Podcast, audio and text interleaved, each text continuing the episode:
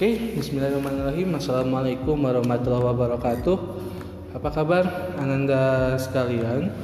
Uh, semoga kalian selalu dalam lindungan Allah Subhanahu wa taala. Uh, jadi di minggu ini kita kembali daring ya guys ya. Uh, sebagaimana yang kalian tahu juga bahwa uh, kemarin ada surat edaran dari Bupati Raja Ngebong bahwa kita kembali harus pembelajaran secara daring atau dari rumah ya atau online gitu jadi eh, harapan Ana eh, untuk kalian semoga kalian tetap semangat eh, kalian tetap berusaha untuk eh, belajar dengan lebih baik dan kami juga sebagai guru juga akan berusaha untuk memberikan yang terbaik seperti itu buat kalian semua. Oke, okay, uh, kali ini di pelajaran informatika kita lanjutkan. Kita masih di bab 2, ya kita masih di bab 2. Uh, eh, untuk uh, kelanjutan kelanjutan dari uh, materi kita di bab 2. Kali ini silakan kalian buka halaman 51 ya, buka halaman 51 di bagian 4 ya. Sekali lagi buka halaman 51 bagian 4 yaitu tentang bahaya komputer dan teknologi ramah lingkungan ya. Jadi eh, meskipun komputer itu memang satu alat yang memudahkan kita untuk menjalankan aktivitas sehari-hari ya eh, terdapat eh, bahayanya juga seperti itu terdapat sisi negatifnya juga yang ber, berpengaruh kepada lingkungan kita. Jadi uh, bisa kalian baca di halaman 51 itu uh, kita lihat di grafik di gambar 2.7 itu uh, peningkatan ya electronic waste atau sampah elektronik seperti itu ya istilah bahasa Indonesia-nya itu setiap tahun akan terus meningkat gitu dan di tahun 2020 itu diprediksikan sudah 50 juta ton. Bayangkan sampah e, elektronik pada tahun 2020 itu menjadi 50 juta ton dan tahun depan akan naik kembali menjadi sekitar 50 52 persen ya. Dan dari 50 juta ton ini ya artinya hanya 20% yang bisa didaur ulang artinya yang bisa diproses seperti itu. Jadi sisanya sekitar 40 juta ton itu sampah elektronik akan e, merusak lingkungan kita seperti itu. E, jadi bahaya-bahaya ini e, sebaiknya kita sedikit banyak menghindari ya atau kita tahu informasinya seperti itu.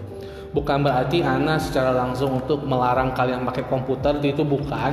Malah kita harus perlu sekarang ya. Tapi seenggaknya kita tahu dulu ada beberapa bahan-bahan berbahayanya seperti itu ya yang pertama kalau kalian di halaman 51 itu ada timbel ya. Timbel apa timbel? Timbel nampaknya ya. Uh, jadi uh, timbel ini dia ada di uh, monitor tabung. Jadi uh, sebelum monitor yang sekarang, monitor sekarang kan kalau kalian beli monitor itu kan sekarang yang tipis, yang kotak gitu ya, tipis banget. Kalau zaman dulu itu masih pakai tabung kayak TV. Jadi TV tabung itu, nah monitornya seperti itu juga bentuknya. Dan uh, di situ terdapat uh, bahan kimia namanya timbal ya. Jadi uh, satu tabung monitor CRT ya atau monitor tabung itu bisa menghasilkan 2,2 kilo satu tabung ya. Jadi kalau sudah 10 saja 10 komputer yang masih menggunakan uh, monitor tabung itu sudah 20 kilo. Ya. Jika dibuang ke lingkungan akan dapat menyebabkan keracunan ya melalui asap, kontaminasi makanan dan terserap kulit. Jika mencemari air maka akan uh, merusak sistem saraf seperti itu ya karena kadar yang rendah saja itu sudah berbahaya apalagi yang uh, kadarnya tinggi seperti itu. Makanya juga penggunaan monitor tabung itu sekarang perlahan-lahan sudah tidak ada lagi ya semua diganti dengan monitor yang lebih ramah lingkungan seperti itu. Yang kedua di bagian B ada merkuri. Nah merkuri uh, ini kita sering kita dengar di ini ya kosmetik ya namun uh, juga terdapat di bagian komputer ya yaitu di bagian motherboard. Jadi kalau kita kalau kalian masih ingat motherboard di bab pertama itu kan tempat uh, semua nempel. Seperti itu semua nempel di motherboard gitu. Dan uh, kalau kita istilahnya um, tidak diulang dengan baik gitu. Misalnya nanti uh, kalian motherboardnya kalian tidak pakai lagi kalian ganti.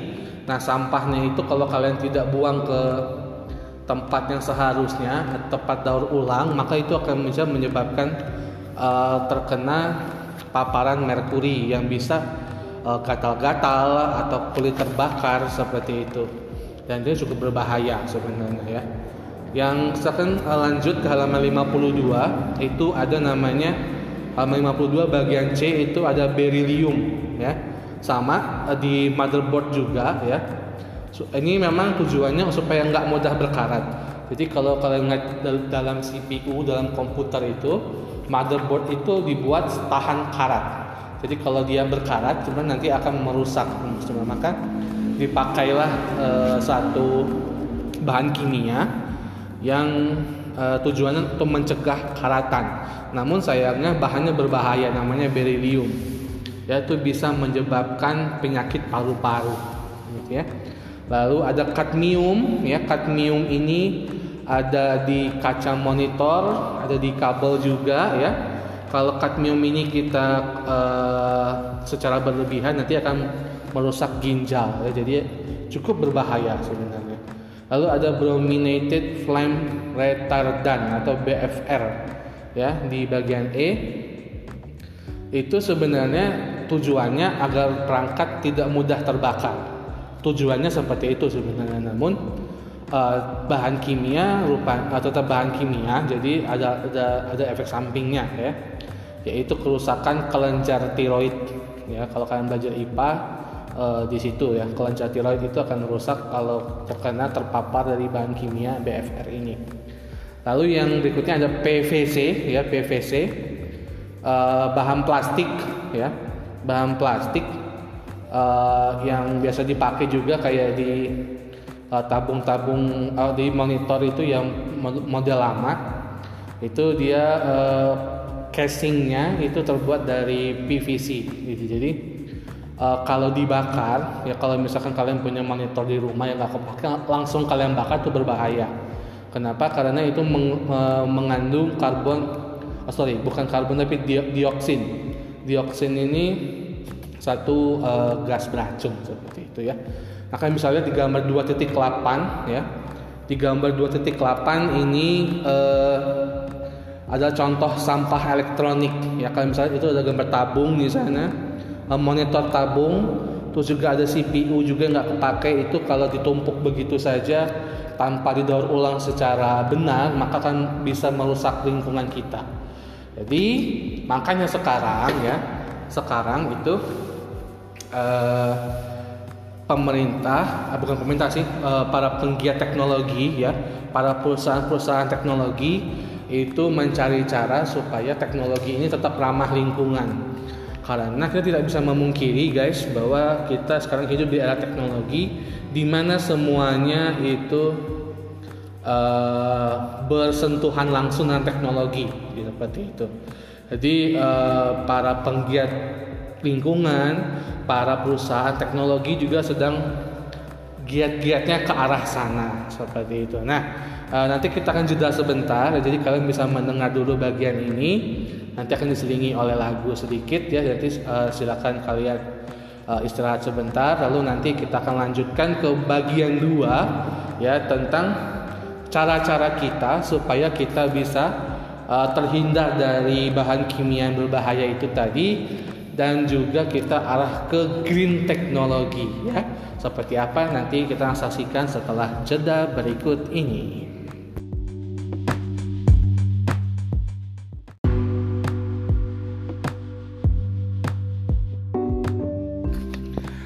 Oke, okay, uh, kita kembali di pembelajaran informatika pada uh, hari ini ya. Uh, selingin lagu saya sedikit tadi dari Alan Walker ya uh, On My Way sama Faded ya Mungkin kalian bertanya kenapa cuma sepotong karena itu akun Spotify ya guys ya. Jadi Anda tidak punya akun premium Spotify jadi uh, lagu yang bisa dimasukkan hanya uh, bagiannya saja seperti itu ya.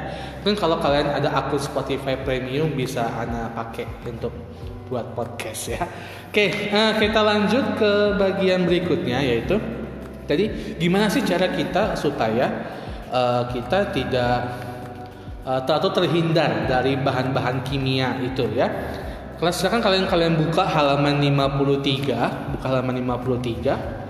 Uh, itu ada uh, sebenarnya ada sampai bagian G ya. Tapi uh, kita bahas dulu halaman 53 bagian A ya, membeli perangkat yang diproduksi dengan konsep green technology. Nah, ini yang bilang tadi green technology. Uh, sebagian besar ya sebagian besar dari uh, teknologi sekarang kayak laptop atau PC atau handphone ya atau perangkat elektronik lainnya itu sudah sebagian besar sudah green teknologi sebagian besar ya uh, sudah hemat energi seperti itu. Jadi uh, sudah seperti itu. Jadi sebenarnya kita tidak tidak perlu lagi untuk uh, bingung sebenarnya mencari satu merek laptop yang eco friendly atau green technology nggak perlu sebenarnya karena mereka sudah ke arah sana dan keluaran-keluaran terbaru mereka itu uh, kurang lebih uh, sudah uh, menerapkan konsep green technology. Jadi kalau memang saran Ana ya, kalau uh, kalau memang kalian punya uang lebih uh, untuk membeli elektronik, cobalah yang keluaran terbaru sebenarnya karena uh, kalau keluaran terbaru ini dia sudah mengadaptasi dengan teknologi terbaru dan juga tentu dia pasti lebih ramah lingkungan. Kalau kalian uh, misalkan beli laptop tapi uh, produksinya sangat lama, artinya di bawah mungkin di bawah lima tahun yang lalu itu memang uh, konsepnya belum seluruhnya green technology seperti itu. Tapi kalau kalian uh, misalkan membeli elektronik yang istilahnya terbaru seperti itu atau ya keluaran dua atau tiga tahun yang lalu masih aman sih sebenarnya. Jadi uh, dengan kita membeli keluaran terbaru mereka, kita juga membantu mereka atau membantu lingkungan kita supaya konsep green technology ini bisa tersampaikan dengan baik seperti itu ya. Jadi memang kalau kalau ya, kalau kalian punya uang lebih, saran Ana silakan uh, membeli produk-produk uh, teknologi yang sifatnya ramah lingkungan.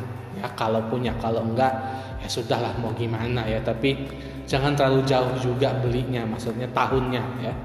Itu yang pertama. Yang kedua donasikan perangkat yang sudah tidak terpakai ya. Uh, jadi kadang kita ya uh, kita punya misalnya handphone lah yang standar misalnya handphone seperti itu. Kita nggak make lagi ya. Misalnya karena kalian bosen atau kalian ingin dapat yang lebih canggih seperti itu. Jadi eh, kadang ada beberapa opsi. Kadang mereka eh, kadang kita jual ya. Kadang kita jual eh, ke misalkan counter atau taruh di uh, online seperti di Shopee dan kawan-kawan kalian posting HP kalian jual atau kebanyakan atau juga kadang ada orang yang males jual karena harganya terlalu jatuh, harganya kemurahan, lalu mereka buang saja. Ada seperti itu. Beberapa kali waktu anak di Lampung ya, uh, kotak sampah itu ada beberapa kali anak ketemu itu handphone.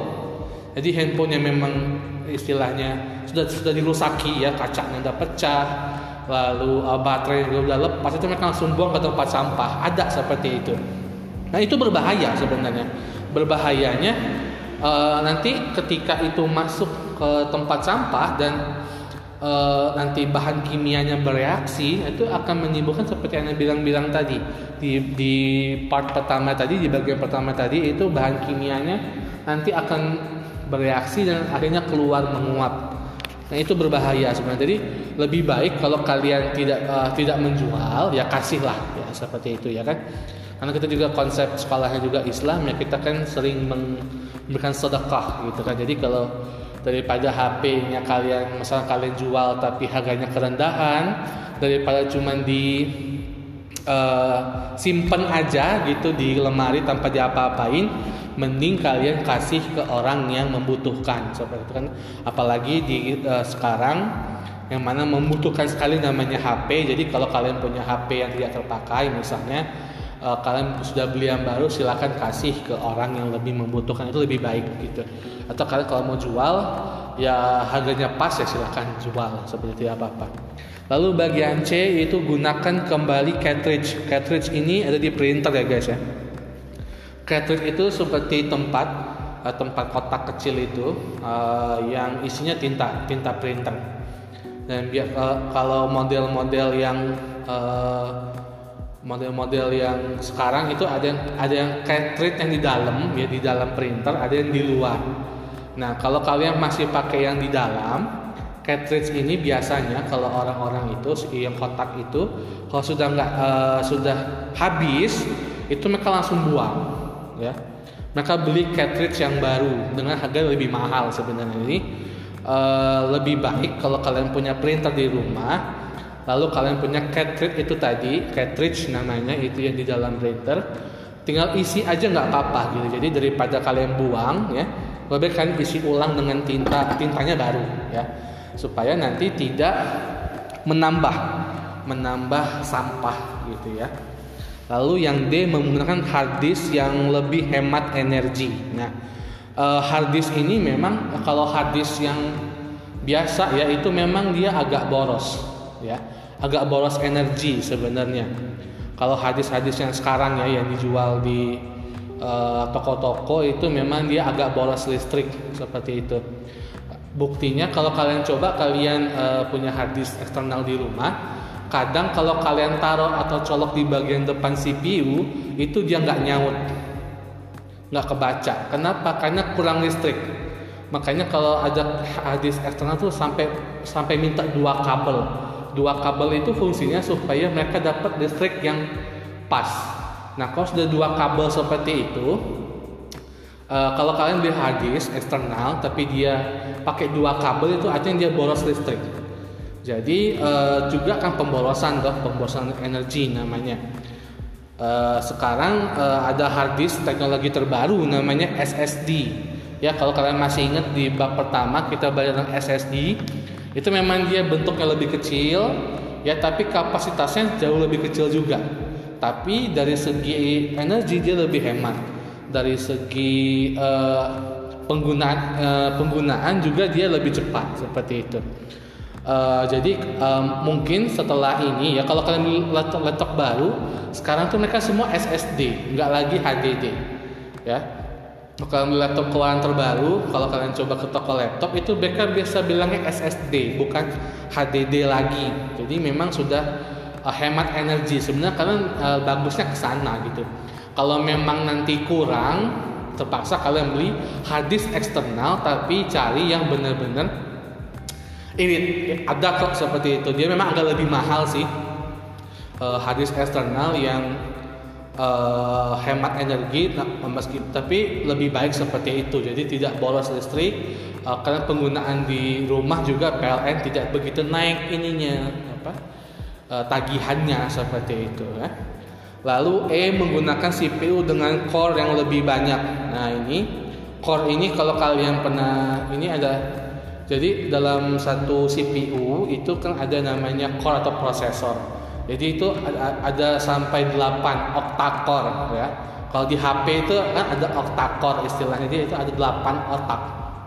Jadi ada 8 otak yang yang digunakan ya untuk supaya uh, proses di HP itu lebih baik, lebih cepat seperti itu dan uh, sekarang di zaman sekarang penggunaan okta-core atau 8 otak itu sudah semakin banyak bahkan kalau di HP Sharp itu setahu anda sampai 10 core namanya. Jadi ada 10 otak yang dipakai seperti itu. Jadi uh, kalau dengan lebih banyak otaknya di dalam lebih banyak otak di dalam HP misalnya jadi itu uh, kalian lebih lebih cepat bisa lebih cepat dalam proses uh, aplikasi juga lebih cepat tidak gampang nge-lag seperti itu ya. Yang app menggunakan RAM yang lebih besar ya uh, sekarang RAM HP HP sekarang udah luar biasa gilanya ya. Uh, bahkan sudah ada yang 8 giga 16 giga ya HP-HP sekarang RAM-nya. Kalau standarnya kayak Android, Android sekarang kayak Samsung. Uh, kalau nggak salah terbaru tuh S20 itu ada yang sampai 16 giga RAM-nya. Jadi uh, lebih besar uh, lebih besar RAM-nya maka uh, akan lebih hemat energi uh, seperti itu. Makanya uh, HP-HP sekarang tuh punya teknologi fast charging. Artinya uh, jadi dia lebih cepat untuk uh, mengecas HP supaya hemat energi. Jadi nggak terlalu lama tiga jam empat uh, jam ngecas. Mereka sekarang sudah bahkan satu jam pun bisa penuh. Jadi akhirnya kita juga menghemat energi seperti itu. Dengan penggunaan RAM yang lebih besar. Jadi kita makin cepat makainya nggak gampang nge kita nggak lama-lama nengok HP cas juga sudah makin cepat jadi listrik akan semakin uh, berkurang penggunaan. Lalu menggunakan monitor yang lebih hemat listrik. Nah ini sekarang monitor juga banyak jenisnya ya guys ya. Ada uh, ada LCD jenis model LCD ya. Ada juga model LED jadi itu lebih ke layarnya sih. Jadi kalau uh, layar layar sekarang itu sudah LED atau LCD jadi sudah lebih uh, rendah. Makanya uh, bentuknya lebih tipis sekarang monitor itu. Jadi uh, tujuannya memang untuk mengurangi penggunaan listrik seperti itu. Jadi nggak terlalu banyak lah uh, monitor-monitor sekarang. Kalau kalian kayak LG kayak Samsung ya atau merek-merek monitor lain itu sekarang semuanya sudah makin gepeng sudah makin tipis. Dan tujuannya supaya lebih hemat listrik. Ya, itu di halaman 54 kita baca lagi yang terakhir, bagian terakhir. Uh, jadi penggunaan konsumsi energi juga bisa kita gunakan. Salah uh, beberapa kalau misalkan kalian ada printer yang nggak kepake, tapi coba dimatikan saja, gitu daripada di uh, di didiemin, dianggurin seperti itu lebih baik kalian matikan saja printer kalau kalian punya. Lalu uh, untuk monitor, coba kalian uh, kan biasanya tiba-tiba mati sendiri tuh redup sendiri nah coba atur itu secepat mungkin seperti itu.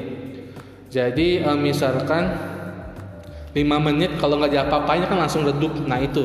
Itu itu enak harus dipakai gitu. Jadi supaya tidak daripada dia hidup terus itu akan energinya akan semakin banyak terpakai. Ya energi akan semakin banyak terpakai maka listrik akan semakin naik penggunaan di PLN ya kasihan kasihan mak bapakmu ya untuk membayarnya semakin tinggi ya. Lalu uh, misalkan kalau kalian pakai komputer ya uh, di rumah itu kalau memang kalian tidak gunakan lebih baik langsung matikan. Gitu. Atau kalau misalkan kalian cuma sebentar kan biasanya kan kita nih uh, karena kita tuh langsung ngejain di komputer nih atau kita tinggalin tinggalin makan tinggalin misalkan kalian mau mandi itu masih hidup komputernya itu juga akan memboros listrik. Seperti jadi lebih baik kalian matikan atau kalian kalau memang males nunggu silahkan pakai mode sleep ya. Pakai mode sleep. Jadi kalau kalian matiin matiin komputer itu ada tiga biasanya. Ada shutdown ada restart ada sleep. Nah sleep ini misalnya dia tidur ya dia tidur artinya memang secara listrik dia uh, penggunaannya lebih kecil tapi tidak sebanyak kalau kalian masih hidup komputernya jadi lebih baik gunakan mode sleep supaya dia uh, berkurang kapasitas penggunaan listriknya. Lalu yang berikutnya di halaman 55 monitor jangan terlalu terang ya. Biasanya ini kalau kita melihat layar laptop atau layar komputer atau layar HP bahkan itu kadang layar pencahayaannya atau brightnessnya itu kadang terlalu terang buat mata kita. Jadi lebih baik kita redupkan saja itu juga membantu untuk menghemat energi ya. Jadi kalau misalnya kalian lagi main game misalnya yang memang butuh pencahayaan bisa lebih baik seperti itu jangan sering-sering. Lebih baik agak redupkan saja tidak apa-apa tapi lebih hemat energi ya. Berikutnya tidak menggunakan fitur screen saver. Nah screen saver ini biasanya kalau lagi mati eh, monitornya ada gambar yang muncul uh, jadi uh, kalian kalian kalian lagi nganggur nih laptopnya tiba-tiba dia agak redup monitornya lalu, lalu, lalu muncul gambar. Ya itu akan lebih boros kenapa? Karena masih hidup komputernya. Jadi akan lebih baik mendingan biasanya dia redup ya biar redup kalian tinggal geser mouse hidup lagi gitu. Jadi daripada dia hidup terus seperti itu. Uh, lalu yang berikutnya matikan fitur Bluetooth atau WiFi di laptop jika sedang tidak digunakan. Nah ini ya. Uh, kadang kalau kita lagi Bluetoothan kita lupa ya. Kita lupa uh, di laptop kita lupa matiin memang kita matiin saja kalau memang tidak digunakan supaya kembali lebih menghemat energi baterainya gitu. Karena akan menguras baterai juga. Lalu wifi di laptop nah ini kadang penyakit kita. Kalau kita nongkrong misalnya kan lagi di uh, tempat kawan misal kalian bawa laptop lalu kalian wifi-an ya lebih baik uh, jangan terlalu lama karena itu akan memboroskan energi baterai ya kan lebih cepat habis gitu. Jadi kalau kalian lebih cepat habis kalian pasti colok casan. Colok casan uh, artinya kalian mensedot lagi energi. Artinya kita lebih boros seperti itu. Maka uh, lebih baik kalian uh, kalau wifi-nya tidak jangan terlalu lama menggunakan wifi untuk laptop dan juga HP ya. Uh, supaya lebih hemat energi. Dan juga kalau sudah dipakai jangan lupa dimatikan ya. Jangan lupa dimatikan. Lalu di halaman 2.10 itu adalah contoh yang bisa kalian gunakan. Di gambar 2.10 itu bisa kalian uh, lihat itu contoh bagaimana cara menghemat energi ya. Bagaimana cara menghemat energi. Itu ada di gambar 2.10 di kalau ini Windows 10 ya jadi Windows 10 atau Windows 7 juga kurang lebih sama. Uh, kalian pilih control panel lalu ada hardware dan sound satu pilih power option ya. Silakan, silakan kalian ikuti di gambar 2.10 ini ya. Untuk menghemat energi atau menghemat baterai laptop kalian atau energi komputer kalian. Oke itu saja dari Ana untuk minggu ini ya terkait dengan bahaya bahaya teknologi dan juga teknologi ramah lingkungan ya. Jadi semoga uh, dengan kalian memahami ini, dengan kalian mengetahui uh, jenis-jenis atau cara-cara kita supaya lebih hemat energi, kalian juga bisa menjadi uh, orang yang peduli pada lingkungan kita supaya kita lingkungan kita akan tetap bersih kita akan tetap uh, tidak ada pencemaran udara sehingga bisa dinikmati hingga cucu kita nanti ya. Oke saja dari Ana. Kalau lebih Ana mohon maaf.